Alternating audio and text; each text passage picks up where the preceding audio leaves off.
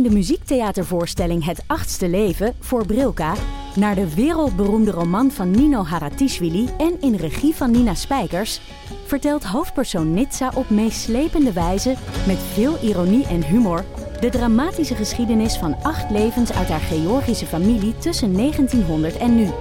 Een hartverscheurend en tegelijk troostrijk drama verteld vanuit het perspectief van vrouwen uit verschillende generaties. Waarbij het publiek meegenomen wordt op een emotionele, visuele en muzikale reis door de 20ste eeuw. Koop je tickets voor het achtste leven via oostpol.nl. Hoe werd het shirt van het onbeduidende Venetia FC een van de best verkochte voetbalshirts van de afgelopen jaren? Wat is er zo geniaal aan de MLS-deal van David Beckham? En waarom vinden we het normaal dat jeugdspelers gezien worden als investeringsobjecten? In de podcast Grof Geld onderzoek ik, Sam van voetbaljournalist, samen met merkstratege Per van der Brink de macht van geld in de voetbalwereld. Wat gaat er schuil achter de wereld van sport en glamour? En wie profiteert er? Luister naar Grof Geld en hoor hoe de Skybox de staantribune beïnvloedt.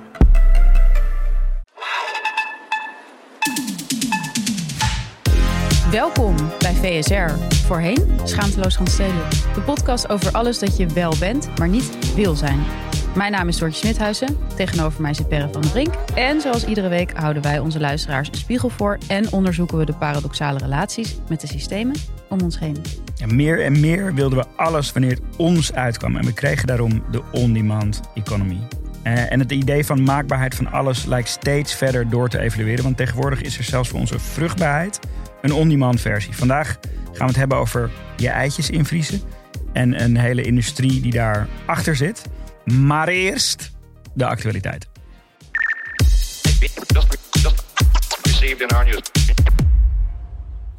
Ik, eh, ik zat bij op één Mhm. afgelopen week. Dat was heel leuk. En het ging over, eh, het ging over Ozempic, dat Ja. diabetesmedicijn, eh, wat eh, nu enorme vlucht neemt, omdat je er dus heel erg van afvalt. Mhm. Kim Kardashian heeft het ook gebruikt. En Ja. eh, BN'ers en influencers ook. Ik begreep dus dat Gert van Samson en Gert bijvoorbeeld het ook gebruikte. Wist ik ook niet. Leerde ik toen. Ja. Ehm, maar goed, dus ik had daar een verhaal gehouden over hoe vrouwen in een mal worden geduwd door sociale media en door de maatschappij. En Mhm. schoonheidseisen steeds strenger worden en zo. Wat ik ook echt een heel belangrijk verhaal vind. En toen kreeg ik de volgende dag via mijn agentschap, dat vond ik Ja. een belangrijk detail, eh, een mail van een soort boze kijker. Die vond dat ik dat allemaal niet kon zeggen, omdat ik zelf ook zichtbaar heel veel heb laten verbouwen aan mijn gezicht. en ik weet niet, ik, ik vind zo'n mailtje, ja, jezus, je krijgt altijd wel een of andere boze mail of zo eh, na zo'n optreden. Maar toch blijft hij me bij, omdat ik denk, hoe zitten mensen dan voor de tv? Ja, Weet je wel? En Ja. nog even los van dat ik natuurlijk meteen de neiging heb om dan te zeggen van ik heb helemaal niks aan mezelf laten doen. En Mhm. weet je, dat heb je natuurlijk ten eerste. Maar ten tweede ook dat ik denk, Jezus, wat kijken we toch kritisch naar vrouwen. Dus zelfs een Mhm. vrouw die op tv... zit Was het een man of vrouw die een vrouw eh, die op tv vertelt van we moeten stoppen met zo kritisch kijken naar de uiterlijke van vrouwen. Ja, die die krijgt nog. Ja, en die, ook de, de volgordelijkheid van de dingen. Dus zij voelt die emotie. Zij besluit om daar actief iets Ja. mee te gaan doen. Dan gaat ze dus googlen. Dan komt ze uit bij jou. Ja, ze zag mij op tv, dus kennelijk. Ik denk gewoon de visagie had een hele goede dag. Die hebben gewoon mij onwijs. Nee, nee, maar meer van, dan, moet je toch een, dan moet je een plek gaan vinden waar je dan je boze emotie. Ja, dat denk ik ook vaak. richten. Want jeetje, dan heb je helemaal de moeite genomen om die mail te sturen. Ga je googlen, kom je bij jouw agent terecht. Ja, ja, Dan besluit je dus ook om het niet direct aan jou te richten, maar aan jouw agent. ja. Is ook een beetje laf. Keus, ja. En dan, Nee, maar ik vond het wel weer een voorbeeld dat ik dacht... wat is het toch bizar hoezeer we bezig zijn met het uiterlijk van vrouwen... en dat ook meenemen in de beoordeling van wat ze zeggen. ja. ja, en vooral dan ook Want nog stel dat ik wel dingen aan mijn gezicht had laten doen. Dan kan Mhm. ik toch alsnog daar Iets iets, van vinden. vinden, ja, ja, dan ja. kan je toch ook. Ja, daar gaat natuurlijk deze hele podcast over. Maar je kan toch ook zelf ondervinden hoe dat systeem op je inwerkt en er iets van vinden. Ja. Je disqualificeert je daarmee toch niet meteen als spreker over dat Ja. onderwerp. Ja, Nou ja, nee. Dat is iets waar ik dus veel over nadenk. Ja, de, de, vrouw heeft toch een reactie ehm, indirect eh, gekregen. Ja, Doe er je voordeel mee, zou ik zeggen. ja. Ehm, ik was de laatste tijd met een ehm, project bezig. En dat ging over stedelijke ontwikkeling. En dat ging ook in die context over wat zijn nou een soort van alternatieve scenario's voor de stad van de toekomst. Ja, daar, daar was ik gewoon een beetje alle, alle kanten op aan het Ja. lezen en aan het, aan het, aan het, aan het researchen. echt zoiets waar jij dan helemaal Ja. op neurde. Ja, dat is natuurlijk Ja, maar ja, gewoon helemaal top voor mij. En ehm, ik, ik eh, ben geabonneerd op een nieuwsbrief die heet het, principe van optimisme. Ehm, en die had een eh, editie waarin een stukje werd getipt over tunnels. Ja, Nou, dat, dat, dat stukje wil ik maar even... jij wil eigenlijk een aflevering over Ja, ik, ik, ik ben echt door, deze, door, door dit artikel ben ik echt helemaal in love met tunnels. Een tunnelman gewoon. Ja, ik ben echt een tunnelman. Ik was eigenlijk altijd al een Het is tunnelman. wel echt een leuk onderwerp voor ehm, een magazine of zo. Want je hebt natuurlijk ook de tunnel McGuffin in sociale media, Ja. weet je wel. Ja. Dat is natuurlijk wel... Het Ja. is eigenlijk heel actueel. Het is, het is een McGuffin-thema. Eh, maar ik, ik kom uit Noord, dus dan de, de tunnel Noord-Zuid. heeft altijd een, een belangrijke rol in mijn leven Ja. gespeeld. Want dat was de verbinding met, met de stad. En toen Noord nog niet hip was, was het ook de verbinding met soort van de andere wereld, Mhm. zeg maar. Ehm, maar, ja, de- dus wat er in dat artikel gezegd wordt van... ehm, tunnels maken wordt steeds goedkoper. Mhm. Eh, dus dat, dat is eh, gewoon technologische vooruitgang. En daardoor hebben ze steeds meer potentie om eigenlijk allerlei problemen die wij in de stad ervaren, eigenlijk gewoon op te lossen. Mhm. Je zou bijvoorbeeld het hele verkeer in tunnels kunnen laten plaatsvinden. Dus dat je gewoon volledig autovrije steden eh, realiseert. Ehm, daarvoor zijn wel een aantal dingen nodig. Ja, Ik, wil, ik dacht, ik, deel toch een paar dingen Ja. over tunnels. voordat waar, mensen nu waar spontaan beginnen te graven in de voortuin. Exact, Ja, exact, denk exact. een paar tips. Als je dat gaat doen, als je gaat Ja. graven in je, in je voortuin, zorg er dan voor dat je niet te veel ruimte ehm, eh, creëert. Mhm. Dus je moet gewoon de, bedenk wat, wat wil je met de tunnel doen. Ja, dat is wat een moet er doorheen? Ja, ja. Ehm, en zorg ervoor dat dat gewoon kan, maar niet te veel extra ruimte. Want dat is dus echt waar het eh, in het verleden heel erg is misgegaan. Oh ja? Dus dat we in, in, in tunnels die, die nu er zijn, eigenlijk veel te veel ruimte hebben. En daardoor worden die tunnels extreem duur. En, en, en is het dus eh, ja, lang niet per se gezien als een Hmm. soort van goede oplossing voor de, voor de toekomst.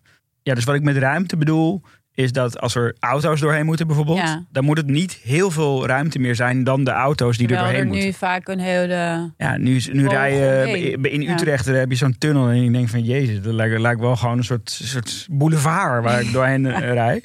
Dat is dus niet the way Dat to is go. niet the way to go. Ehm, en als we de tunnel gebruiken voor openbaar vervoer, dus mocht je een tunnel voor openbaar vervoer willen maken, ja. eh, dan moet je de stations niet onder de grond doen. Oh, Kapit- kapitale fout met de Noord-Zuidlijn. want? Dat is veel duurder. Dan je, je moet Oh. boven dus de stations onder de grond maken, maakt het echt zoveel duurder om een Wat tunnel te maken. Ja, ik was echt, echt helemaal Jij gaat, dit. bent al begonnen aan ja, ik, tunnel. helemaal in een, in een tunnelvisie ben ik eh, terechtgekomen. Dankjewel. Eh, dus een leestip aan iedereen die wel eens in een tunnel komt. Ehm, ik was, ik vond het toch wel leuk om nog, of ja, leuk, relevant om te benoemen dat ehm, een onderwerp waar wij het eerder over hadden, twee weken geleden of zo. Ja, twee. Dat je zei dat Spotify vaak gebruikt wordt om drugsgeld wit te wassen. Ja. Dat dus kennelijk de zoon van Ridwan Taghi, eh, die is betrokken bij een platenlabel waar dat gebeurt. ja, Dus Ja. gewoon een heel serieus vrij actief betrokken ook wel. Het is wel een platenlabel waarvan ik denk... Het, het, bijna alsof ze willen. Ja. Dat ze, want het heet dus El Chapo. Ja. En, de, en, de, en het logo is Dubai X Amsterdam. Ja. Je denkt, nou, dan kan je eigenlijk van een Ja. afstand wel ongeveer invullen wat daar gebeurt. En er zijn ook de hele tijd in die nummers zijn ook de hele tijd shout-outs naar bijnamen van hele zware criminelen. Ja, ja dus het is, nou ja. Soms willen mensen ook gepakt worden. Hè? Dat, dat kan zo zijn. Maar eh, het is wel gewoon een heel serieus eh, label. Ja. Ehm, waar mensen als eh, Boef en eh, Lijpen en zo gewoon muziek uitbrengen. Ja. En kennelijk is het vooral eh, de videoclips. Waar de- het drugsgeld Ja. is witgewassen. Kan ik me ook heel goed voorstellen. Want daar moet je natuurlijk in één keer hele grote bedragen uitgeven voor een van de auto of weet ik veel. Ja, dus dat vond ik wel een. Ja, dus een- dat is dan eigenlijk hetzelfde principe als de Spotify. Dus je, je, je financiert een videoclip waardoor die extra vet wordt, waardoor die meer views krijgt, ja, waardoor je advertentieinkomsten uit YouTube genereert en daarmee kan je het witwassen. Ja, maar kan me ook, kan me ook, ja, was je de boel wit. Maar ik kan me ook voorstellen dat als je, weet ik veel, een Hummer of whatever nu een auto die in is, moet huren, dan kan je dat toch ook wel, daar kan je toch ook wel een klein witwas trajectje op zetten. Ja, maar die auto's he- hebben die, die El Chapo, eh, of die, die, die eigen zoon van? Rio Ta- Taghi, die, ik denk dat hij wel een paar auto's heeft die ze kunnen gebruiken. Ja, die is 16, dus die kan niet rijden. Ja, maar dat, Misschien wel. ja. We zullen het nooit weten. Kijk, je wil, je, je wil dit eigenlijk niet. Ik, ik heb zelf best wel een hekel aan het criminaliseren van hiphop. Ja, Ehm, nou dat vind ik ook wel even belangrijk om erbij te zeggen. Dus dat zowel Lijpen als Boef eh, worden niet eh, verdacht verder van Nee, betrokkenheid met, met eh Taghi. Of, maar toch, weet, want ik, ik, vooral van Lijpen ben ik zelf ook echt fan. Ik vind hem Ja. echt vet. Ehm, maar ik vind, dan ik vind dit wel echt. Dit, dit gaat wel echt best wel ver. Als je dat artikel van Follow the Money leest, dan. Je kan, dat kan je gewoon echt niet doen, wat zij Ja, doen. Weet je? Ik kan gewoon niet wachten tot de Netflix-serie over dit. Ja. Ik denk dat Giancarlo Sanchez moet hier toch een Netflix-serie over maken. Ja, die moeten hier al mee bezig Ja. zijn. Ja. Succes met die. Anders met die bij serie. deze. Ja. Oké, we hebben even een brandoefening tussendoor gedaan. Was een interessant eh, sociaal experiment. Wat vond je ervan? Nou, ik vond het. eh, wat ik ervan heb geleerd is dat je dus op zo'n knopje kan drukken zonder dat er glas breekt of mensen heel boos worden. We stonden uiteindelijk met het hele gebouw, of in elk geval deze verdieping dag en nacht, voor een dichte deur. Dus daar, daar zag je de, de waarde van de oefening al. Want Ja, in feite waren waar we in de val gelokt. En eh, ja, ik dacht, fuck it, ik druk een keer op zo'n knop. Waar kwamen we uit? In de basic fit.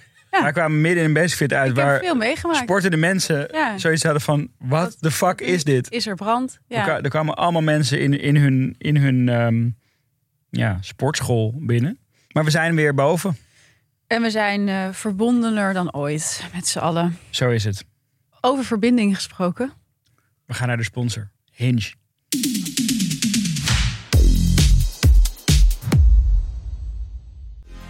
Heerlijk bruggetje, want Hinge is de dating app met de slogan Designed to be deleted. Het unieke aan Hinge zijn de prompts. We hebben die prompts in de vorige afleveringen Mhm. ook al besproken. Mhm. Ehm, dit zijn dus vragen die je op je profiel kan zetten, waardoor je heel makkelijk een gesprek kan starten en een idee krijgt van iemands persoonlijkheid op een gezellige en lichtvoetige manier.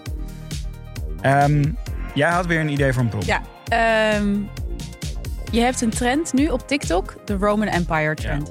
Wat er is gebeurd, er was een vrouw en eh, ik weet niet precies hoe ze op, erop kwamen, maar op een gegeven moment bleek dat haar vriend meermaals per week aan het Romeinse Rijk denkt. En dat zette zij op TikTok. Zo van, goh, wat opvallend. Mijn vriend denkt kennelijk heel vaak aan het Romeinse Rijk en ik nooit. Hebben jullie dat ook? Ja, en toen bleek dus, dus toen gingen veel meer vrouwen dat aan hun man vragen, of aan hun vader, of hun man, een mannelijke passant in hun leven.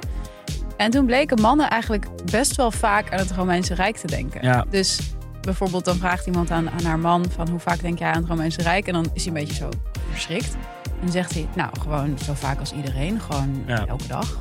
Ja. En Ja. daar zit zo'n interessant soort van onderliggende. eh, ja, soort van structuur onder. Van dat, dat mannen natuurlijk gewoon graag denken aan de tijd. Dat mannen gewoon nog mannen waren en vrouwen nog vrouwen. Ah, wacht even. Wat denk jij? Ja, ik, ik heb echt nog nooit aan het Romeinse Rijk op die manier gedacht. Nee, precies. Het zal niet voor elke man gelden. Maar ik denk wel dat het toch iets zegt. Ja. ja, dus in het kader van de prompts, want daar hebben we het nu Ja, over. ik denk dus dat een goede prompt is.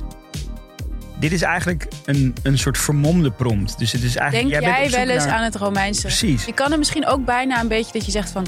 Denk jij ook zo vaak aan het Romeinse Rijk? En Ja. dat je weet als mensen dan zeggen... Ja, ik denk er elke dag aan. Je laat ze in de val lopen. Ja, Red flag, weg dat is echt een red flag. Absoluut. Ideale prompt. Download nu Hinge via iOS of Android.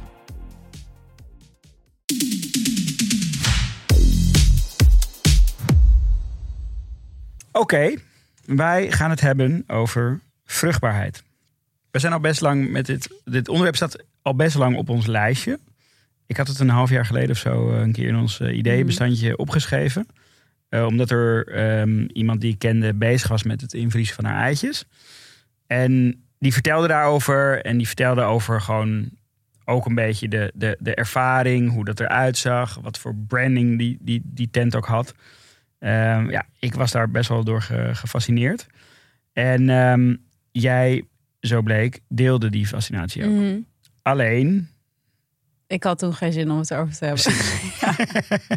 Ik heb nog steeds niet echt zin om het over te hebben hoor. Ik merk dat ik nu ook wel dus denk van, oh ja, god, ja, we gingen het hierover hebben, dus laten we het maar gewoon doen. Maar het is gewoon nooit je favoriete onderwerp, denk Ja. ik, eh, om het te hebben. waarom eigenlijk niet? Ja, het is gewoon zo kwetsbaar. Mhm. Het, is, het voelt heel kwetsbaar. En ik, ik, ik weet niet eens echt waarom. Want ja, god, ik ben 31. Het is niet dat, dat er bij mij nou zoveel aan de hand is Ja. op dit vlak. Of heel veel stress is of heel veel paniek is. Maar ja. toch voelt eigenlijk... Maar goed, hier gaan we het later in de aflevering ook over. Maar eh, alles wat afwijkt als het gaat om vruchtbaarheid en kinderen krijgen... wat niet is, je krijgt een kind Mhm. op je dertigste eigenlijk. Voelt gewoon als iets wat je ja, moet bevechten of Ja. moet, moet verdedigen. En jij kwam toen inderdaad... Je had ook een artikel gelezen in de New Yorker, weet ik nog. Mhm. Future of Fertility, wat Ja. een supergoed artikel was. Ja. En toen wilde je het over, erover hebben. En ik had me toen echt net op die wachtlijst gezet. Ja. En dat ik toen ook echt zei van... Slechte Dat timing. is echt een hele slechte timing. Dat wil ik niet, daar wil ik het nu echt nog niet over hebben. Maar goed, inmiddels ehm, ja, denk, zie ik het ook. Denk ik dat ik het onderwerp ook met een iets uitgezoomder blik zie of zo. Ik vind het gewoon maatschappelijk gezien ook echt heel belangrijk dat we het hierover hebben. Ja. Dus ik heb er onlangs ook een column over geschreven in de Volkskrant. ehm, waarin ik dus ook nou, eh, laat weten dat ik zelf op de wachtlijst sta Mhm. voor het invriezen van mijn je dat dan ook heel, heel spannend om te doen? Ja, dat vond ik dus echt best wel spannend. Maar dat was niet nodig, want ik Je kreeg kreeg dus juist... alleen maar supergoeie reacties. Terwijl het best wel opvallend is dat je zeg maar elke keer als je iets zegt wat ja, gaat over zo'n onderwerp, eh, of over wa- wat voor vorm, als je iets zegt over het patriarchaat of whatever, krijg je eigenlijk altijd boze reacties. Mhm. Dus bijvoorbeeld, ik heb dan een keer mijn boek, een nieuwe boektitel, Kapitalisme is Seksisme, een keer op mijn Instagram gezet. Kreeg ik ook allemaal boze, Ja. boze, boze DM's. Ja. ja, Je hebt, het is gewoon alleen een titel. wel een validatie dat het een goede titel is. Ja, denk je? Ja, tuurlijk. Oh, Oké, thanks. Leuk.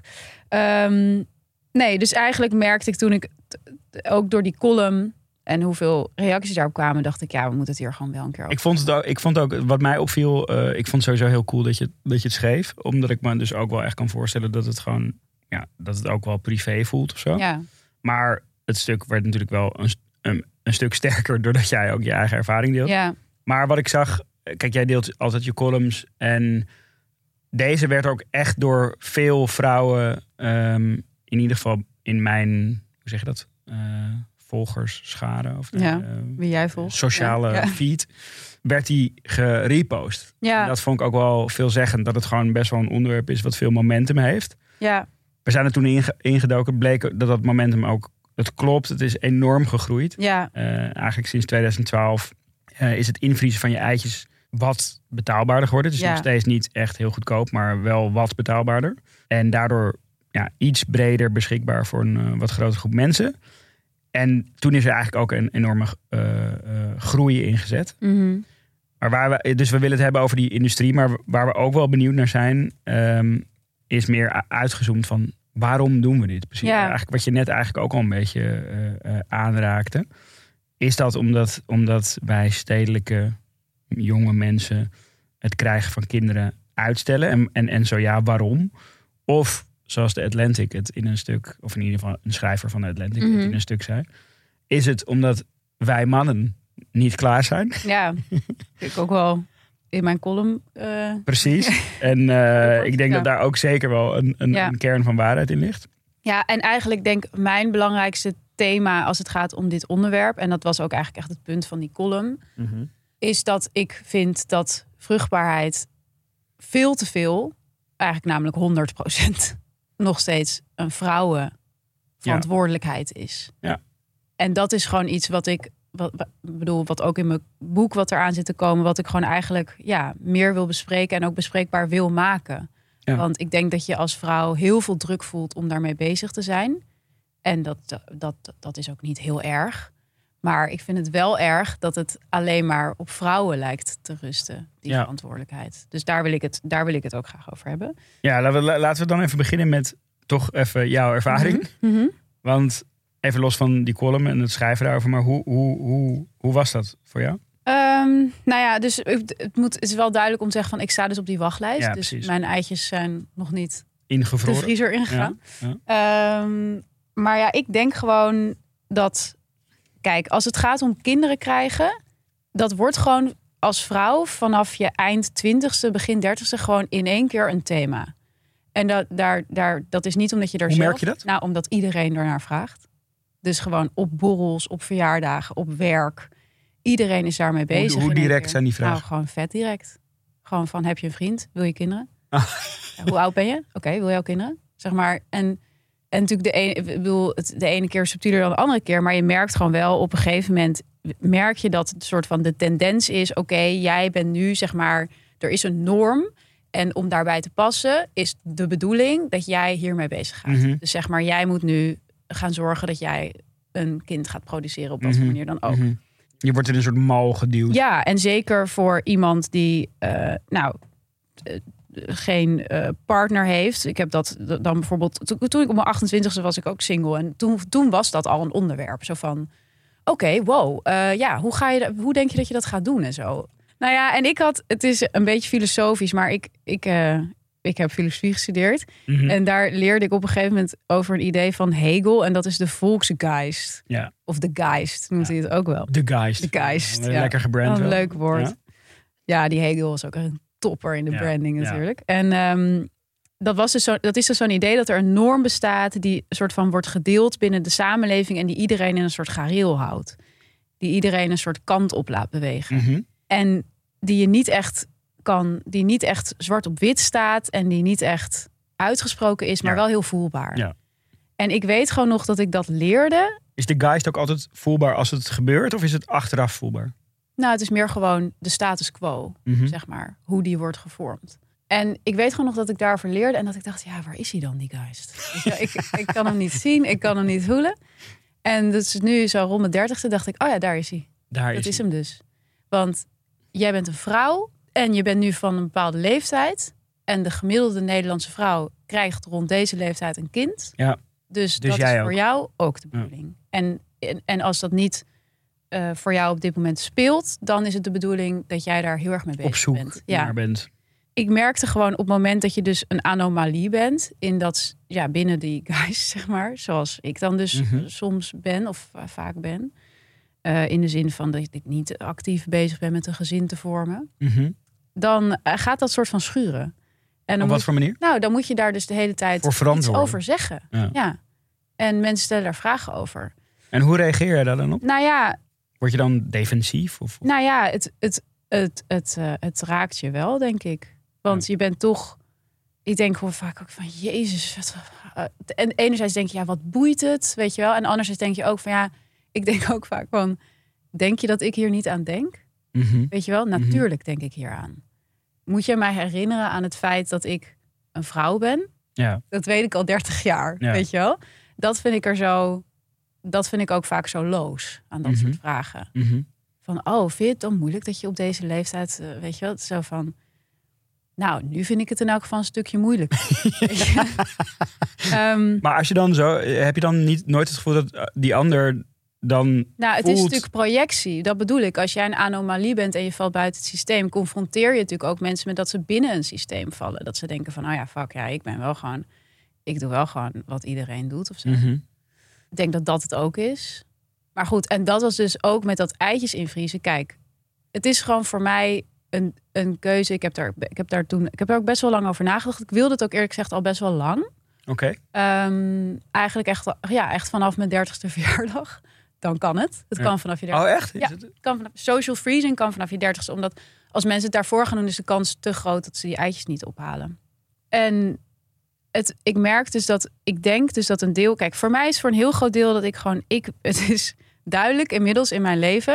Ik vind het best wel gek om ineens zo over best wel persoonlijke dingen te praten. Want dat doe ik eigenlijk nooit in deze Mhm. podcast. Maar goed, Mhm. ik vind dat het een functie heeft eh, in deze. Maar het is best wel duidelijk voor mij inmiddels dat mijn leven op persoonlijk vlak nooit loopt zoals ik denk. Of zelden in elk geval. Ik denk vaak van, ah, nu kan ik het wel. En dan, nee, toch niet. De personal geist neemt een loopje je. Ja, die neemt alsmaar een loopje. En dat is ook prima. En ik, en ik hou daar ook van, denk ik. Ik bedoel, anders zou het waarschijnlijk anders gaan.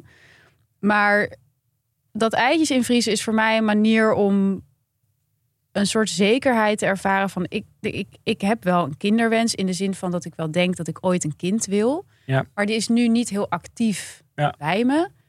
Maar gevoelsmatig moet je er toch iets mee. Ja. En ergens denk ik ook van ja, weet je, als ik daar op mijn 35ste mee begin. Ik bedoel, ik heb, dat schreef ik ook in die column. En eh, ik vind het leuk dat ik die statistiek vorige week ook nog even met onze stagiair Julia heb besproken. Om nog even te checken of het nou echt zo is. Maar het is dus echt zo. Je wordt als vrouw natuurlijk zo bang gemaakt. Dat, dat, daar hebben we het later ook nog over. Maar Ja. De kans dus dat je... Of misschien heb ik het niet aan jou verteld. Maar hoe groot denk je dat de kans is als je van je, na je 35ste tot je 39ste... na één jaar proberen natuurlijk zwanger bent? Poeh. ehm, nou, mijn vriendin studeert verloskunde, dus ik zou dit Ja. soort van moeten weten. Nou ja, ik ga gokken. Ja, ik, ik, ik denk wel hoger dan je denkt, denk ik. Dus ik denk na één jaar proberen. Ja, natuurlijk zwanger. 60 procent. Ja, het is 82 procent. 82? Ja. Wauw. Weet je, dus dat soort feiten heb ik ook in mijn hoofd of gegevens. En natuurlijk zijn altijd weer andere onderzoeken, maar dit is ongeveer het meeste van dat soort onderzoeken komen rond de 80% uit. Wauw. Ehm, ja, is heel hoog. Hoger dan je zou denken. Ja, Ja, maar dat komt dus onder andere hierdoor. ja precies. Ja. En, de- en, maar ik merkte dat voor mij dat eitjes invriezen dus ook, ondanks dat ik dus ook rationeel denk van, joh, weet je, als je er over vijf jaar of zo, stel dat je er dan mee begint, you'll be fine. Maar dat het toch een soort, Rust gaf of zo. ja, Ja. en, Ja. en een antwoord dus ook. Op- nou, als iedereen vraagt van, denk, ben je daarmee Oh, bezig? Dan zeg ik nu, ja, ik sta op die wachtlijst. Oh ja, ja, ja. ja, En dat is het onderwerp ook klaar. Oh ja, ja. En ik denk dat dat, en dat klinkt dom, denk ik, want van Jezus, Dan ga je dan zo'n procedure. En dat is ook niet zo, want ik doe het echt voor mezelf. Ja. Want Nou, die rust klinkt logisch. die, en, en dat creëer je dan dus ook. Maar die rust zit hem ook in dat je dus een soort, ja, een antwoord hebt op zo'n moment. Dat is grappig. Ik, ik, ter, ter voorbereiding had ik dus iemand ehm, in mijn omgeving gesproken die dit, Mhm. eh, die iets verder in dat proces, die, die het dus wel al gedaan Ja. heeft, wiens eitjes ook zijn ingevroren. En zij vertelde eigenlijk dat ze, ehm, ze in, op heel veel manieren lijkt het lijkt de, de motivatie op die van jou. Maar wat het bij haar voor uitwerking heeft gehad, is dat haar kinderwens dus minder is geworden. Oh ja? Ja, Ja, dat dus- kan ik me ook wel voorstellen. ja, ik, ik, ik, ik, ik vond het zeg maar toen ze het vertelde, dacht ik, oh, wow, oké. Eh, maar daarna, toen het even inzonk, dacht ik van, ah ja, inderdaad. Ik kan, dan is de, de angel eruit of zo. En dan ga je het eigenlijk misschien rationeler ja, maar bekijken. dat is het eigenlijk. Je parkeert het op een bepaalde manier. Terwijl het dus is ook als je dat gaat doen. Ik heb dat dus moet je naar de huisarts en zo. En dat is best wel low-key. Ik bedoel, het is niet. En, en, en dan hoor je dus inderdaad ook hoe duur het is. En het is ook echt duur, vind ik. Het Ja. vind ook een enorm privilege dat ik het kan doen Ja. in principe. Het is voor één behandeling is het 3.500 euro ongeveer. Ja, en Ehm, meestal ben je niet per se klaar. ja, als je dus in één keer klaar bent, en dat is vaak ook niet zo. Maar je hoort ongeveer, eh, zeg maar, 500 keer of zo in dat proces. Het is geen garantie. Het is geen Mhm. garantie. Mhm. Als je een kind wil, kan je er beter nu mee beginnen. Echt, zeg maar, dat hoor je echt zo ontzettend vaak. En dan toch voel, eh, kan ik me dus heel goed voorstellen dat als je eenmaal toch die stap hebt gezet, dat je toch denkt, ja, oké, ik heb nu in elk geval iets gedaan. Dat ja, de urgentie minder hoog wordt. Ja, ja en, en wat ik daar ook wel interessant vind, want mijn vriendin heb ik het ook mee over gehad. En zij zei van wat, wat er wat vaak niet besproken wordt, is dat het, eigenlijk is er een soort verband tussen de, de groei van mensen die hun eitjes laten invriezen en het stigma wat op geen kinderen willen rust, maatschappelijk gezien. Dat zij denkt dat mensen dat doen die eigenlijk geen kinderen willen, maar Nou ja, maar. Dus, dus bijvoorbeeld die persoon Ja. die ik heb gesproken, wil zij misschien wel eigenlijk geen kinderen. Ja. Eh, en, en is dit een soort man. Maar ja, eerlijk, ik zou dat dus alsnog best wel waardevol vinden dan. Want als zij daarmee. Het is, het is denk ik nog steeds zo moeilijk om als vrouw te zeggen: ja, Ik soort- wil geen kinderen. ja. Dat wordt Nee, echt, dat is- echt dat gezien punt. als een soort bizar. En hoe kan je dat zeggen? En zo. Terwijl dat voor mannen, maar goed, ik kom daar later nog op. Voor mannen volgens mij heel normaal is. Om Ja. dat te zeggen. En een soort van ook wel sterk of zo. Ehm, en als dit dan een soort van tussenfase is. Waarmee zij eh, die vraag dus even letterlijk in de ijskast kan zetten. Ja, tot haar vijftigste. En zich daar minder door ehm, beoordeelt. ja, dus ze kan eigenlijk objectiever naar haar eigen kinderwens kijken. Ja, Op, op die manier. Dus dan is het een zinvolle investering. nou ja. In haar geval was het, waren het dus drie behandelingen. Dus heeft het, Dat is tegen echt 10.000 heel euro gekost. Ja, fuck. en dat zegt meteen ook iets over, over eigenlijk de industrie die het Ja, geworden is, toch? ja. Ik vind het zeg maar, als, als ik er vanuit een soort branding oogpunt naar kijk, of vanuit een business oogpunt naar kijk. Je hebt natuurlijk de, de consument in dit geval, Mm. is echt een extreem gewillig persoon. Weet je, dus dit is, dit is een soort van onzekerheid Ja. slash wanhoop Stress. soms in sommige Ja. gevallen. eh, waar je in, in die zin relatief makkelijk op kunt inspelen. Ja, en wat lij- natuurlijk ook zo ongelooflijk veel gebeurt. Ik bedoel, dat Ja. is natuurlijk ook vanaf je dertigste is alles qua reclame als vrouw op je sociale media is Pampers, Artipop Ja. eh, en eh, Clearblue. Dat Ja. is bij mij alleen nog maar. Ja, ja bizar. Het is gewoon echt je algoritme. Ik Dat dat hele, echt. de hele tijd vraagt, ben je al zwanger? Ben je al zwanger? Wil je zwanger worden? Ik heb dat Hoe lang wil je nog wachten? zo weinig. Ja, Ja, nou, du- dus, en die industrie is dus ook in de afgelopen tien jaar, wat we ook aan het begin zeiden, enorm gegroeid. Eh, ik begreep zelfs van een van die klinieken dat zij zeggen dat het tenfold gegroeid is. Het aantal eitjes wat ingevroren worden in de afgelopen tien jaar. En die industrie heeft dus ook allemaal, zoals dat dan gaat, van hey, eh, als, daar wordt flink geld verdiend. De consument is gewillig. De Ja. uitgave is niet conjunctuurgevoelig. ja, Want ook in economisch mindere tijden hebben mensen die, die worstelen ze met dat, met dat issue. ja. Dat is het moment dat venture capital ja, eh, nee, wakker Het wordt. is natuurlijk echt vreselijk. En dat zie je dus ook in die. er is een VPRO-documentaire. Ja, die heb ik ehm, ook gezien. Freezing Fertility heet die. Tegenlicht, toch? Dat is best wel goed. Ja, echt, Ja. echt ook gewoon leuk om naar te kijken. Ja. En daar zit ook zo'n typische gozer in. Die dus. Die, Spa of die, Die Spaanse ja, man, ja. Op zich is hij ook wel redelijk sympathiek. Maar het is ook wel zo'n typische tech guy. ja. Die en dan, er kan daar vet veel ja, meer. Dan, ja, ja, ja, ja. Maar hij, is dan, hij komt dan in de, in de molen als klant. Dus eh, hij en zijn vrouw, partner, ja. die hebben problemen met vruchtbaarheid. Ja. En dan, eh, in plaats van dat, dat hij daar dan Ja. emotioneel in zit, zeg maar, Ja. ziet hij die ja, hij ziet allemaal kansen. Ja. "Tering, dit is super inefficiënt. Ja, dit kan anders. Dit moet, ik moet dit optimaliseren. Ja. Nou, en vervolgens eh, drie, drie eh, oogknipperingen later heeft hij 100 Het is een miljoen opgehaald. bedrijf. Ja, nee, dat is e- en sowieso is dit trouwens echt een tip, die aflevering. Ja, heel leuk. En, en ja, hij heeft hij dus de leading kliniek van de US gebouwd. En, en als je dan naar die klinieken kijkt, dan, ja, dan zien ze er ook allemaal uit als, als hoe je denkt dat ze er, zeg maar, hoe een koffietent eruit ziet, maar dan een vruchtbaarheidskliniek. Ja, Dat is eigenlijk de look. Een soort, soort eh, age of average-achtige esthetiek. En hoe het dan qua communicatie vind ik het dus heel erg lijken op de. eh, het heeft de dynamiek van het verkopen van verzekeringen. ja, maar dat, ja. Eh, dat, dat zie je zeg maar. Eigenlijk ze hebben allemaal andere bewoordingen of zo. Maar de grosso modo zeggen ze gewoon: own your future. Ja, Weet je wel? Van wij geven jou de gelegenheid om jouw toekomst. maar het is natuurlijk zo verschrikkelijk, want dat is natuurlijk, dat zie je nu dat die banken die liggen dus helemaal vol met onopgehaalde eieren. 10% van de eitjes wordt maar opgehaald. Maar nu, hè, bedoel, dat, dat vind ik wel te belangrijk om bij te zeggen, want inderdaad, we kunnen pas zo social freezen sinds 2012. Ja, Dus oké. verder. Dus je weet niet helemaal. Dus stel dat ja. mensen op hun, op hun dertigste dat hebben gedaan of zo. Of Het is natuurlijk de laatste tijd heeft best wel een vlucht genomen. Maar in 2012 deed echt heel weinig mensen dit. Ja. toch alleen mensen die een ziekte of weet je wel.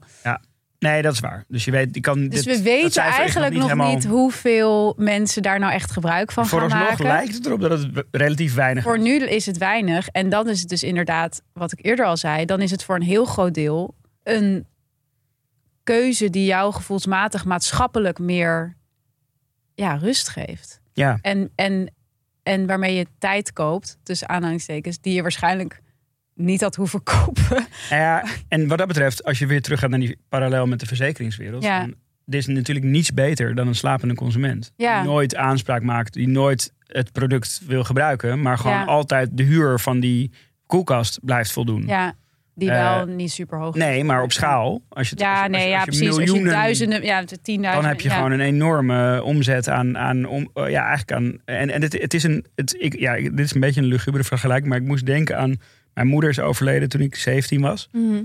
En dat graf waar, eh, van haar, daar ga ik eigenlijk niet zo vaak naartoe, omdat ik dan, voor mij is die herinnering niet per se verbonden aan die plek of aan zo'n steen of zo. Ja, Ehm, maar ik krijg wel ieder jaar een factuur van, van, van dat graf. Ja, En haar ouders zijn allebei overleden. Maar voor mijn zus geldt hetzelfde.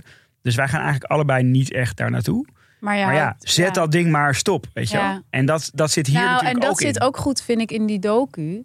Dat ze ook zeggen, realiseer je wel. Want in die documentaire hebben ze best veel vrouwen aan het woord... die echt heel erg twijfelen over of ze een kind willen. Ja, En die zijn dan vaak eind 30 of zo. En die zijn denken van ja, misschien toch toch een keertje invriezen. Ja. En dan zegt die vrouw ook, vind ik wel goed van die fertiliteitskliniek, van besef je wel, zeg maar, jij bent nu 38 en je twijfelt over of je een kind wil. En je, stel je laat nu een eitje invriezen, dan ga je dus nog 12 jaar. Die twijfel Twijfelen. Ja, ja. En dat is ook wel. Je dat zadelt je- jezelf daarmee Ja. op. Ja. Heb je, denk je daar wel eens over na? Ehm, nee, maar ik, ik, ik, bij mij is het denk ik meer dat ik gewoon wel denk van ik wil ooit wel een kind. Maar niet, misschien niet nu. Weet jij veel getarget hier, hier, hierop? Voordat je het had besloten? Nee, niet op freezing Nee. per se. Ik heb dat ook eigenlijk nog nooit gezien in Nederland hoor. Wij hebben natuurlijk ook niet zoals in Amerika van die bussen. Ja, dat, dat, dat ja. laten Gewoon, de, dat was een mooi voorbeeld van ook- Kind Buddy, een Amerikaanse Ja. partij die gewoon een, een soort schoolbus op straat zet en daar gewoon gratis vruchtbaarheidstesten aanbiedt. Maar ook dat soort. Ik heb wel bijvoorbeeld veel van die griptesten en zo. Dat ze van. Wil jij weten hoe vruchtbaar je bent? Zo Ja. Dat je dat dan kennelijk. Dan eh, doe je een watte staafje erin. En dan weet je de week later. Ja, zo- als groot zwangerschapstest, Ja. Het is natuurlijk ook totale onzin. Volgens mij zijn daar ook wel stukken over geschreven. Dat het echt gewoon helemaal niet zo werkt. Eh, dus ik word wel heel veel getarget op mijn onderbuik. Ja, ja, ja. maar, niet, maar niet door. eh, maar ja, kijk, die, die dingen zijn in Nederland zijn dat. Ja, waar ik me dan in, waar heel veel iedereen ongeveer staat, is in Leiderdorp. Het is dan Medisch Centrum Kinderwens. dat is ook een niet heel sexy naam. Nee. En eh, ja, die maken, Geen die maken geen reclame, maar die hebben het ook niet nodig. Want het, eh, Nee, die hebben dus een wachtlijst. die hebben een wachtlijst Ja. die alleen maar uitdijt. Wat ik zelf nog een echt schrijnende scène vond uit die, uit die docu, was dat, ehm, dat die, wederom eh, een Spaanse dokter dan vertelde dat, dan ging het over de waarde van een eitje. Dus in het geval van dat die persoon ervan afziet en dat, die, dat, dat het eitje dus aan, naar iemand anders toe gaat, dan is daar dus ook weer een markt voor. Ja, En op die markt ehm, is een eicel van een slimme blonde vrouw met blauwe ogen eh, uit Californië ja, is dus, laten we zeggen, vijf keer zoveel waard als een eicel van een brunette uit Miami. maar dat is toch ook, in, dat is toch ook met eh, zaad? Dat, eh, je hebt toch van dat hele, hele populaire zaad uit Zweden, vikingzaad. Dat willen alle vrouwen. En ik bedoel, je kan het niet met ze oneens zijn, toch? Ja, dat is toch ook wel. Maar dit, dit, dit was dan op. zeg je ook terwijl je een banaan op. Ga even een banaan eten. Laten we maar even naar de sponsor.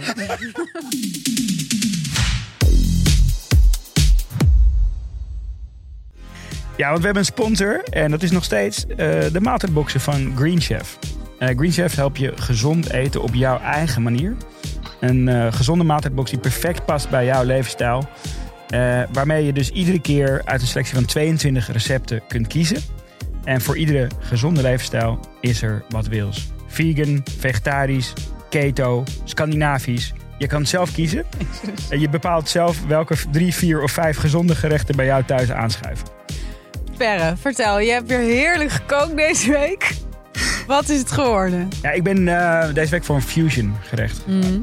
Eh, een risotto met miso, aubergine en sojabonen en champignons.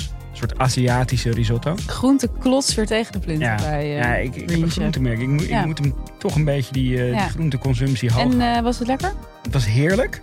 En ook jij kunt dit proeven. Want je kunt nu gezond koken met tot wel 90 euro korting op je eerste vier boxen met de unieke code CHEF Schaamteloos. Allemaal in hoofdletters. Koop het, doe het, eet het. Groenten zijn belangrijk.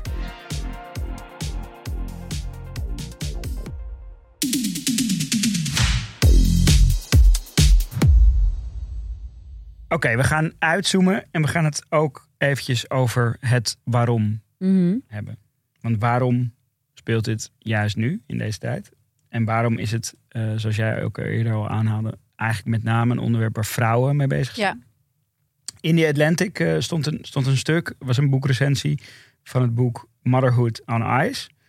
En daarin werd eigenlijk gesteld dat ehm, eh, vrouwen er niet per se voor kiezen om een eitje in te, te vriezen uit een soort, weet ik veel, dat ze nog langer carrière willen maken of dat ze nog geen zin hebben in kinderen. Maar eigenlijk omdat mannen niet klaar zijn, mannen eigenlijk kinderachtig zijn en niet klaar zijn om zich te binden. Dat was eigenlijk eh, wat er gesteld werd. Ja, 20% van de geïnterviewde vrouwen uit het boek zeiden: Ik heb dit gedaan om medische redenen. Eh, maar bij de meeste vrouwen was het eigenlijk omdat ze gewoon niet tevreden waren met of hun huidige relatie of Ja. voorgaande relaties. Ja. eh, qua eh, ja, hoe, hoe klaar die partner daar, daar dan voor was. En Ja, en Dan- ook hoe willing, hè? Hoe, Ja, zeg precies. maar, hoe, hoe, hoezeer die man zei van laten we inderdaad een kind krijgen. En, eh, Ja. En dan noemen zij dat eigenlijk de mating gap. Ja. Eh, die er ook een beetje, nou, we hadden het net al over dat Scandinavische zaad. Ja. Maar ook hier ging het dus over de disbalans die is ontstaan in Amerika dan, eh, in dit geval. ja, Dus eh, dat er enorm veel vrouwelijke college graduates zijn.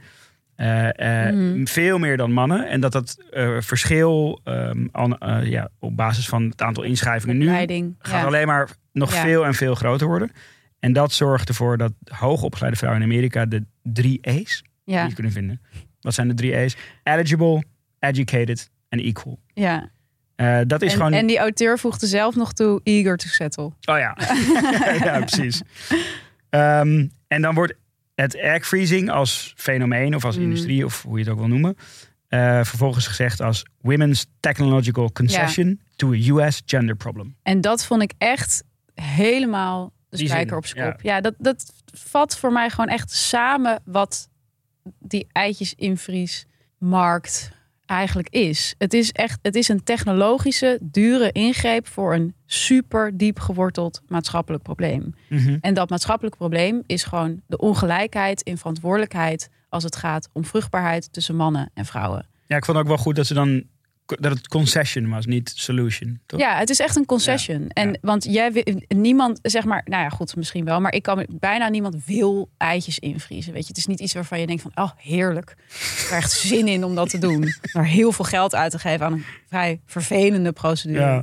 Maar kijk, het is, ik, ik, ik ehm, heb de laatste tijd, een, of ik lees in een boek eh, van eh, Angela Ciani, de Mhm. patriarch heet Mhm. het. Ik raad het iedereen aan. Het is echt Ja. het is een soort Yuval Harari, weet je wel? Mhm. Sapiens en zo. Maar dan over hoe ongelijkheid tussen mannen en vrouwen is ontstaan.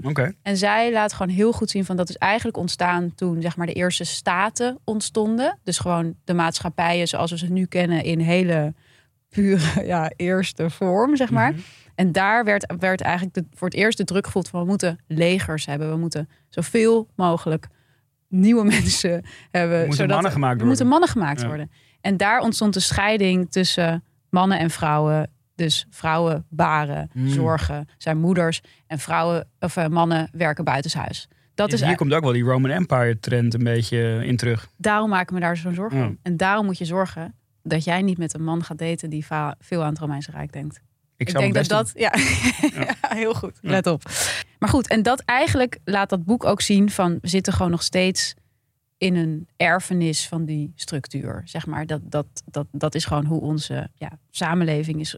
Weet je, die samenleving die volgen allemaal op elkaar. En als dat de blauwdruk is, dan kom je daar gewoon heel moeilijk vanaf. Ja. Nou ja, en dat is natuurlijk ook, kijk, het komt mannen natuurlijk ook goed uit. Want ze zijn gewoon veel vrij. Ze hebben de biologische klok niet. Mhm. Maar ze hoeven er zich er ook echt niet druk om te maken. Ze zijn gewoon veel vrijer. Ze kunnen carrière maken, hun leven opbouwen.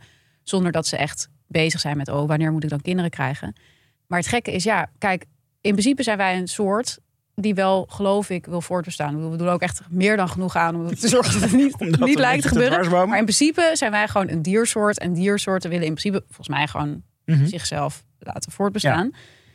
Maar op de een of andere manier, door die verdeling, is de verantwoordelijkheid van het voortbestaan gewoon helemaal bij vrouwen komen te liggen. En hoe langer ik erover nadenk, hoe raarder ik dat vind. Dat er dus zo weinig mannen zijn, in elk geval in mijn omgeving, die zeggen: Goh, maar eh, tegen hun vriendin zeggen van: hey joh, hoe zullen we het doen met die kinderen? Eh, of überhaupt met zichzelf, want daar hebben we het ook nooit over. Maar ik bedoel, zaadkwaliteit neemt ook enorm af na je 35ste volgens mij. Mhm. Ehm, weet je, die, dat zij daar zelf gewoon kennelijk zo weinig urgentie op voelen. En ik zie ook dat dat komt doordat een maatschappij zo lang zo in elkaar heeft gezeten. Dus dat je als man, je hebt andere waarden. Weet je wel, je, je, je ziet andere dingen als belangrijk. Terwijl er misschien ook wel veel mannen zijn die deep down wel op hun 25ste al met kinderen bezig willen zijn. Maar het gevoel hebben dat dat sociaal niet kan Mhm, of mhm. zo. Maar dat is wel waar die ongelijkheid vandaan komt. En eh, ik had dan ook bijvoorbeeld een zinnetje wat dan in de Volkskrant stond, had ik ook in mijn, ehm, in mijn column ook genoemd. Want dan gaat het dus over die afnemende vruchtbaarheid. Hè. Mensen krijgen later kinderen. En eh, van uitstel komt afstel, dat soort dingen. Daar was dan een artikel over verschenen in de krant. En dan stond dan als zin inderdaad van ja, vrouwen eh, krijgen later kinderen omdat ze op de perfecte man wachten.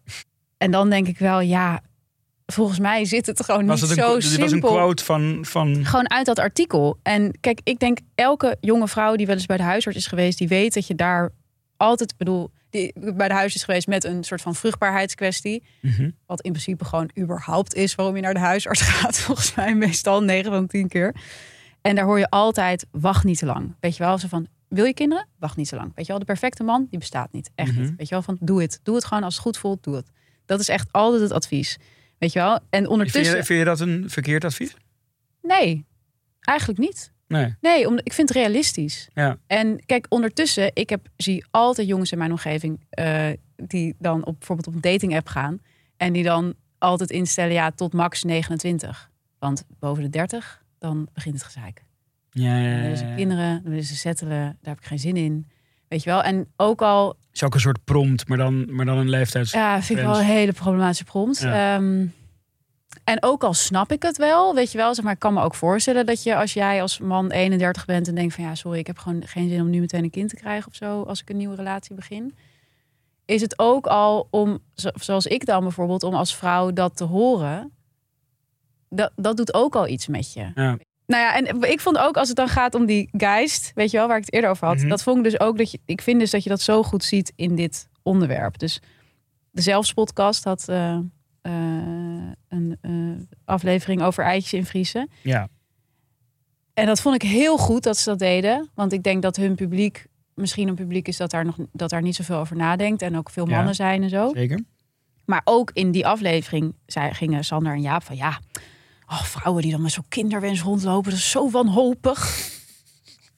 En dan baal ik zo erg, want dan denk ik, ik de deel van de wanhoop die vrouwen ervaren, een heel groot deel, komt daardoor. Mhm. Komt door dat ze weten dat ze gezien worden als wanhopig. Of dat ze mensen daarover hebben horen praten. Ja. Eh, weet je, je hebt natuurlijk ook dat hele verhaal van Halina Rijn gehad, die op een gegeven moment heel openlijk heeft gezegd van nou, ik heb, ehm, ik heb geen kind en ik zou dat eigenlijk wel heel graag willen, of ik, ik Ja. vind maar niet de goede partner. Of, dus zij had dan zo dat OK, zo ongewenst kinderloos, eh beetje gemunt. Mhm. En toen vertelde zij ook in haar, in haar eh, podcast met Carice dat, dat, dat heel veel mannen dan zeiden, nou, praat daar nou maar niet over. Dat staat gewoon zo wanhopig.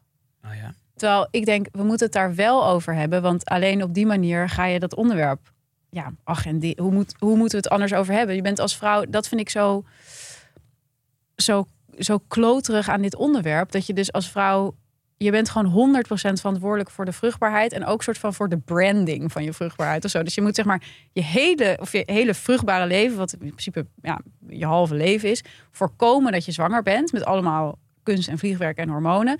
Dan moet je wel zorgen dat je op zeg maar, het goede moment. een kind krijgt. Want anders ben je ook weer raar. En als je daar dan iets over zegt wat niet is. Oh, ik wil een kind en ik ga er nu een krijgen. Zeg maar, dat is eigenlijk het enige wat je erover kan zeggen. Of als je bijvoorbeeld eh, zegt van nou, het lukt mij gewoon niet, want ik heb gewoon carrière gemaakt en nu zit ik in de knoop. Dan is het zo van, oh, wat wanhopig. Ja. Dat is toch vreselijk? ja. En ik, en eh, zeg Maar ze, eh, ze legde dan nergens de nuance. of- Er was Mhm. geen soort bewustzijn van de male gaze daar. bij Halina, Nee, nee. In, bij Sander en Jaap. nou ja, heb je het wel eens geluisterd? Ja, ik ben er wel eens te gast geweest. ja, ik ook. nou ja, en dat vind ik, kijk, dan, dan gaat het erover dat, dat, dat, dat, dat vrouwen in paniek ra- raken. En ik bedoel, heel eerlijk. Maar was dat, de, de- was Ja, dat de hele lijn van de aflevering? Nee, nee, nee. Het was echt een prima af. Het was Ja. echt wel heel goed. Maar kijk, ik zie het om, mij- om, om mij heen ook. Hè. Ik bedoel, dat vind ik ook wel. En daar denk ik soms ook over na. Van, ik ben dan begin 30 en mijn vriendinnen ook. En soms denk ik ook van, jezus, wat hebben we het hier veel over? En wat is er veel stress op dit onderwerp? En het, ik denk ergens ook nog van, ja, het komt toch allemaal wel goed of zo. Maar Mhm. het, het, het laat gewoon dat maatschappelijke ongelijke zien tussen die verantwoordelijkheid, die ervaren verantwoordelijkheid. En ik denk, ja, dat of als dat zo is, dat vrouwen in toenemende mate in paniek zijn rond dat onderwerp, dan is dat gewoon omdat ze zich in een totaal onmogelijke situatie bevinden. Want ze hebben zich aangeleerd dat je het niet over je vruchtbaarheid mag hebben, want dat is onsexy en wanhopig. Mhm. En ondertussen moet je het wel lukken of zo. Ja, ja, ja. Weet je wel? En er zijn ook zoveel onderzoeken. Dan, je hebt bijvoorbeeld een onderzoek van Michael Kimmel, dat is een socioloog. En die heeft een heel leuk onderzoek gedaan naar dus de volwassenwording van mannen, Amerikaanse mannen wel. Ehm, Je begint al te glunderen. ja, omdat het, zo, omdat het zo telling is dat hij dus zegt van mannen. Ja. willen gewoon eigenlijk in Guyland wonen. En Guyland is een land wat ze zelf creëren, waarin ze dus niks te doen hebben met vriendinnen, eh, kinderen, weet je wel, is allemaal verantwoordelijkheden. Ze willen ook liever geen baan. Ze willen gewoon lekker gamen. Of- Ik ga heel even door. Want hij heeft daar dus wel echt cijfers van. Dat dus 70% van de Amerikaanse mannen in 1960 op hun 30ste een huis, baan en een partner had. Mhm. 70% 1960. 50 jaar later een derde. ja. Dat is echt een groot verschil. Ja. Maar hoe? Nee, ik, ik vind. eh, hoe komt. eh, wat is de verklaring voor het ontstaan van Guyland? Het kan. Het kan. Ja, maar het kon daarvoor ook. Het kon daarvoor nog Ja, veel maar meer. het is natuurlijk wel. We zitten nu natuurlijk wel in een tijd, denk ik, dit vul ik zo even in, maar dat, dat vrouwen natuurlijk wel dat kinderen krijgen ook aan het uitstellen zijn, omdat ze ook carrière gaan maken. Ik bedoel, dat is natuurlijk sinds 1960 gebeurd. Ja, dus, en daar wordt. Vrouwen hebben er meer eh, ja, onderdelen bij in hun leven. En daardoor wordt het. Dat kinderen krijgen is niet meer nu- nummer één prioriteit vanaf je twintigste. Ja, dus Guyland was altijd een soort onneembare vesting. Ja. Maar er wordt, er wordt aan de deur geklopt. En Guyland wordt dus ook ergens misschien wel gefaciliteerd door emancipatie. Maar doordat die mannen dus zich maar massaal in Guyland gaan opsluiten, zitten vrouwen met een probleem. Want die worden, hè, en dan kom je weer terug bij dat verhaal van Siani, die worden nog steeds verantwoordelijk gehouden voor het Ja. krijgen van kind. Als, er, als een vrouw geen kind krijgt, is die vrouw toch, voor mijn gevoel, in onze maatschappij een beetje gefaald. Ja. Dat is toch zo? Ja. Of, of- ja, of nee, is dat niet het zo? is pijnlijk. Maar het- En, en dat is voor mannen gewoon niet en weet je wat ook het pijnlijk is? Dat En het bovendien kunnen mannen op hun 40ste, 50ste in principe kan je nog een kind krijgen. Ja. En wat ik dus ook pijnlijk vind is dat dat, dat Guyland, dat ik een soort zo'n een paar elementen ervan. Leef jij in van- Guyland? Nee, nee, zeker niet dat dat gamen en zo, zeg maar, zo, zo stomzinnig ben ik niet. Maar ja, wel een soort van dat er, zi- er zitten wel een aantal elementen aan die theorie die, die ik dan toch pijnlijk herkenbaar vind. Nou, het is voor mij gewoon een goede illustratie bij hoe die verantwoordelijkheid nog steeds zo Mhm. ongedeeld. Ik vond Paulien Cornelissen had gewoon een geweldige quote, ook toen dat artikel uitkwam, dat ze zei van in plaats van kinderen krijgen, blijven steeds meer mannen nog liever iets langer teleurgesteld in het uitblijvende succes van hun band. Ja, Dat vond ik zo'n soort van. En dat, ja. En wa- wat mij dus ook fascineert, en dat is iets waar wij het ook wel een beetje over hebben, is dat dus als het gaat om die verantwoordelijkheid rond, rond, rond eh, vruchtbaarheid, is dat dus ook het, het niet krijgen van een kind, dus ook nog steeds helemaal bij vrouwen ligt. Ja. Terwijl mannen kunnen in principe gewoon zich laten ja. steriliseren of een knoop laten leggen in de leider. Mhm, mhm. Maar ik ken geen één man die dat wil. Nee, ik ook niet. Nee, hè? En dat eh, om richting een afsluiting toe te, eh, te werken. Eigenlijk wat we wilden doen, eh te zeggen, gaandeweg het voorbereiden van deze aflevering, dachten we van eigenlijk Guyland is, is een soort van ver- bijna vervolgaflevering, toch? Ja. Eh, eh, ehm, Ik wil ook een keer naar Guyland. Precies, jij hebt, jij, jij hebt je nu kwetsbaar opgesteld in deze aflevering. Ik gooi gewoon Guyland op tafel in Ja. de volgende aflevering. Ja, Eh, dus dat gaan we volgende week doen. wat en wat, waar gaan we het dan specifiek over hebben? Sterilisatie? Ja, Ja, ik weet zo grappig dat je elke keer zachter gaat praten. huh, wat? Oh, ik heb hier zo geen zin in. Nee, ik Ehm, had hier ook geen zin in. Nee, ik, ik ga het ook doen. Ik ga het ook ehm, gewoon doen. Maar laten we wel eventjes deze aflevering nog Ja, proberen te concluderen. kijk, ik denk gewoon... Wat ik, het, wat ik het ergens het mooie vind of zo... van het hele eitjes in Vries verhaal... hoewel ik het dus ook stom vind en ingewikkeld... en ik vind het zo vreselijk dat het zo duur is... en dat je daardoor dus de een het wel kan doen... en de ander niet kan doen. Want Ja. je... Ja, voor lack of better dingen gun je het eigenlijk elke vrouw... om de Mhm. rust te ervaren die ik ervoer. Op, dat is dus zo stom. Maar dan bel je dus de Zelfs bij huis die wachtlijst. dan bel je dus de huisarts. En dan moet je altijd even zeggen waar je voor belt, weet je wel. En eh, toen zei ik dus zo begin dit jaar van... eh, ja, ik wil mijn eitjes laten invriezen. En toen zei die assistent van... oh nee, is prima, is goed. Nee joh, de afspraak volgende week dinsdag. Maar dus dat het zo normaal was. En eh, ik ben niet zo snel heel emotioneel. Maar ik was toen, werd toen echt heel emotioneel. En wat Door- raakt hij dan? Nou, dat, dat het normaal was. dat zij niet zei, we, what the fuck? Mm. Hoezo? Dat is Weet gewoon je, zonder dat, oordeel. je, dat je gewoon helemaal, dat je, dus, dat je dus wel, dus nu als vrouw ook gewoon kan zeggen van, joh, ik wil daar gewoon even nog niet over nadenken. Of ik, ik, ik wil dat wel, maar niet nu. En eh, dat geef ik vorm op deze manier, dat dat Ja. oké is. Ja. Dus juist dat low-key of zo, dat, Ja. dat raakte mij heel erg. Ja. En ik denk, het gaat nog vet lang duren voordat die verantwoordelijkheid rond vruchtbaarheid, eh, eh, ja, dat dat meer gedeeld gaat worden Mhm. Zo het ooit echt gedeeld gaat worden. Maar ik denk dat je door die, dat eitjes invriezen en ook door het gedoe wat het is en hoe duur het is. En dat mannen ook zien van Jezus, wat, gaan die vrouwen, wat moeten die vrouwen ver gaan? weet je Mhm. wel, om, om, om een soort nou, rust of solide basis of een soort eh vergezicht voor zichzelf te creëren. Dat je er misschien ook bewustwording mee koopt op een bepaalde manier. Ja. En dat was voor mij ook, ook hoe, hoe, hoe, hoe raar dat ook klinkt, ook een motivatie om het te doen. Dat ik dacht, oké, als dit de manieren zijn waarop je dit soort thema's tastbaar maakt Mhm. en zichtbaar maakt en het agendeert, ik kan het me veroorloven. Ja, Laat ik het dan maar doen. nou, mooi. Goed, eh, ja, dat, ik denk top. Ik denk wel, dus wa- wa- wat er vervolgens, zeg maar, dit, het is echt kansenongelijkheid in, Totaal. in pure Ja. vorm. Nee, wat ik zei, want je gunt iedereen dat Ja, dus- telefoongesprek. Als, als ik hem concludeer voor mezelf, dan, ik vind het ook vet dat het kan. Ja, Ehm, eh, maar ik vind wel dat dat echt eh, opgelost moet worden. Dus dat het, die venture Ja. capital dynamiek die erin zit, is wel. Die houdt dat gewoon in stand. Want die prijs moet gewoon naar beneden. Want het is Ja. gewoon. Het is enorm gedaald, maar het is gewoon niet toegankelijk. nee, het is, het is krankzinnig duur. Ja. Het is echt heel duur. Te- eh, ik vond het heel cool dat je, net als in de column, je Thanks. kwetsbaar en open hebt. hebt Ja. Ik ben ook en volgende week gaan we kijken hoe dat in Guyland gaat. Ja, daar ben ik ook heel benieuwd naar. Ja. Kijk er naar uit, Per. Ja, ik, ik wil wel jou een beetje op de... Een beetje jouw volume omhoog zetten. Ja, precies. Omdat Ja, ik zo de hele aflevering heel zacht wordt gaat gefluisterd praten. in Guyland. Ja. Oké, Tot volgende week. tot volgende week.